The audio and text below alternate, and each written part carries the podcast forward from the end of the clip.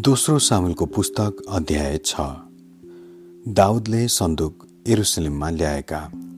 त्यसपछि दाउदले इजरायलका तिस हजार चुनिएका मानिसहरूलाई बोलाए र यी सबै मानिसहरूका साथमा परमेश्वरको सन्दुक ल्याउनलाई यहुदाको बालाबाट दाउद निस्केर गए। त्यो सन्दुक जसलाई करुबहरूका बीचमा विराजमान हुनुभएका सर्वशक्तिमान परमप्रभुको नाउँद्वारा डाकिएको थियो। तिनीहरूले परमेश्वरको सन्दुक एउटा नयाँ गाडामा राखे र डाँडामा भएको अबिनादाबको घरबाट ल्याए र अबिनादाबका छोराहरू उज्जाह र अहियोले गाडालाई हाँक्दै लगे।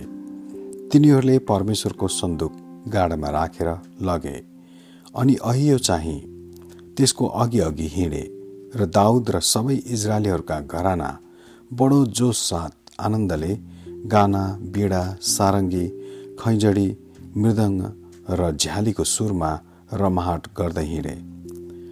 तब तिनीहरू नाकुनको खलामा आइपुगे तब गोरुहरूले ठेस खाए र उजाले आफ्नो हात बढाएर परमेश्वरको सन्दुकलाई थामे।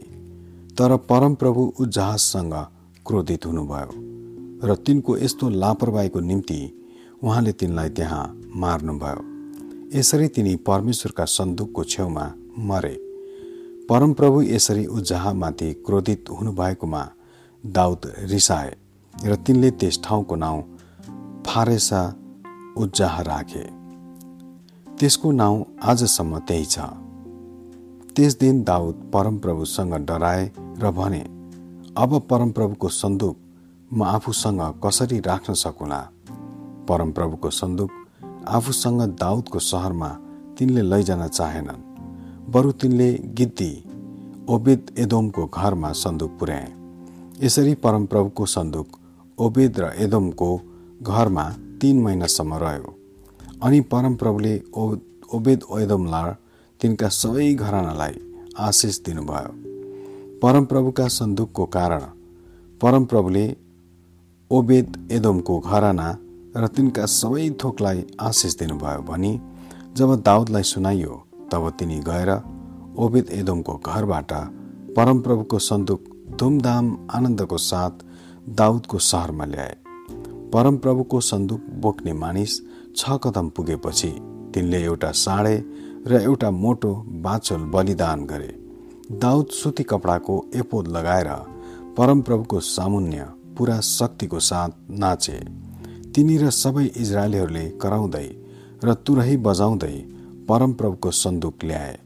जब परमप्रभुको सन्दुक दाउदको सहरमा प्रवेश गर्दै थियो तब साउलकी छोरी मिकलले झ्यालबाट हेरिन् र दाउद राजालाई परमप्रभुको सामुन्ने उफ्रदै र नाच्दै गरेका देखिन् र तिनले मनमनै दाउदलाई घृणा गरिन्।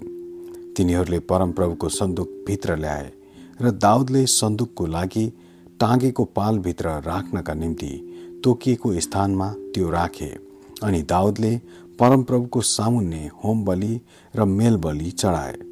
दाउदले यी बलिदानहरू चढाइसकेपछि तिनले सर्वशक्तिमान परमप्रभुको नाउँमा मानिसहरूलाई आशीर्वाद दिए अनि तिनले सबै मानिसहरूलाई अर्थात् इजरायलीहरूका जम्मै जमघटको हरेक पुरुष र स्त्रीलाई एक एकवटा रोटी खजुरको एक एक डल्लो र किसमिसको एक एक झुप्पो दिए। तब सबै मानिसहरू घर गए। दाउद आफ्ना घरानालाई आशीर्वाद दिन आउँदा साउलकी छोरी मिकल तिनलाई भेट्न बाहिर निस्केर आइन् र भनिन् इजरायलका राजाको निम्ति आज कस्तो गौरवको दिन। तिनले आफ्ना दासीहरूका दृष्टिमा नाङ्गो भनेर आफैलाई ढटुवाबारे जस्तै गराए। दाउदले मिकललाई जवाफ दिए तिम्रा पिता र उनका घरानाको कसैको सट्टामा मलाई उहाँको प्रजा इजरायलका राजा चुन्नुहुने परमप्रभुको सामुन्ने त्यो गरिएको थियो।